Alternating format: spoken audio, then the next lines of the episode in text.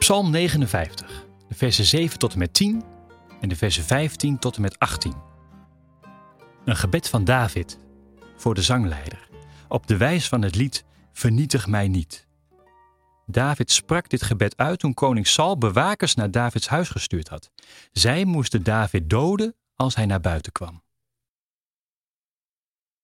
Elke avond komen mijn vijanden terug. Het lijkt wel een troep grommende honden. Ze zwerven door de straten, ze zeggen vreselijke dingen. Hun woorden zijn zo scherp als messen. En ze denken dat u hen niet hoort.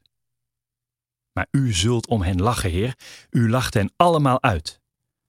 Op u vertrouw ik, u geeft mij kracht. U bent mijn God, u beschermt mij. Elke avond komen mijn vijanden terug. Het lijkt wel een troep grommende honden. Ze zwerven door de straten op zoek naar eten en ze klagen als er niet genoeg is.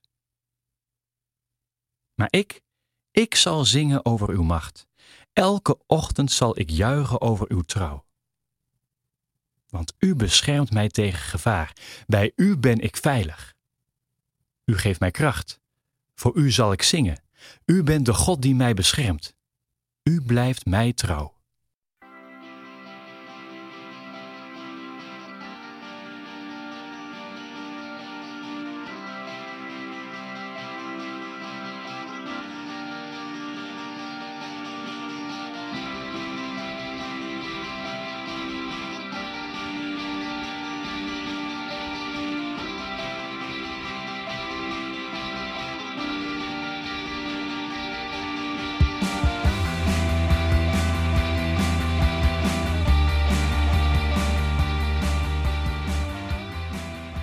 Het zal je maar gebeuren dat je wordt opgewacht door mensen als grommende honden, die je vernederen en die met iedereen kwaad over je spreken.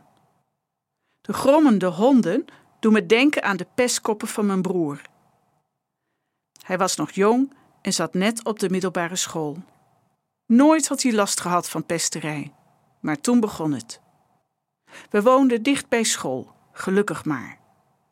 Na afloop van de lessen probeerde hij zo snel mogelijk zijn fiets te pakken en weg te rijden. En daar stonden ze, op straat, bij ons huis. Te joelen en te schreeuwen, te schelden en te lachen. Het was afschuwelijk. Het zal je maar gebeuren. Misschien heb je het zelf al meegemaakt. Of merk je dat je op dit moment, als het ware, door grommende honden wordt opgewacht dat er mensen zijn die over je roddelen en kwaad spreken. Wie zoiets overkomt, voelt zich machteloos. Ook de psalmdichter ervaart dat. De enige die hem bij kan staan is zijn God. Hij ziet het voor zich hoe God ze allemaal uitlacht. God ziet de zwakte van die blaffende honden. Hij weet dat ze uiteindelijk niet zullen bijten. De dichter vertrouwt daarop, op God die hem veilig houdt en beschermt. Dat uiteindelijk de honden dat niet kunnen raken, dat vertrouwen in zijn God, de kracht die daarvan uitgaat. Soms, als je zo in de verdrukking zit, is er niets anders dan die plek, diep in je.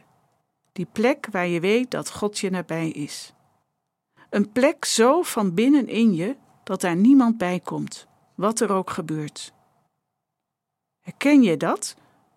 Merk jij ook dat er zo'n plek is waar niemand bij kan komen? Hoe het afliep met mijn broer, wil je dat nog weten? Toen we thuis eenmaal wisten dat hij zo werd belaagd, zorgde mijn moeder dat ze hem opwachtte in de tuin achter ons huis. Ze hoorde het rumoer, ze hoorde het gejoel en werd zo vreselijk kwaad zoals ze nog nooit geweest was. Ze stormde naar buiten en met een enorme kalmte sprak ze de pesters toe. Ze dropen af en vielen hem vanaf die dag niet meer lastig.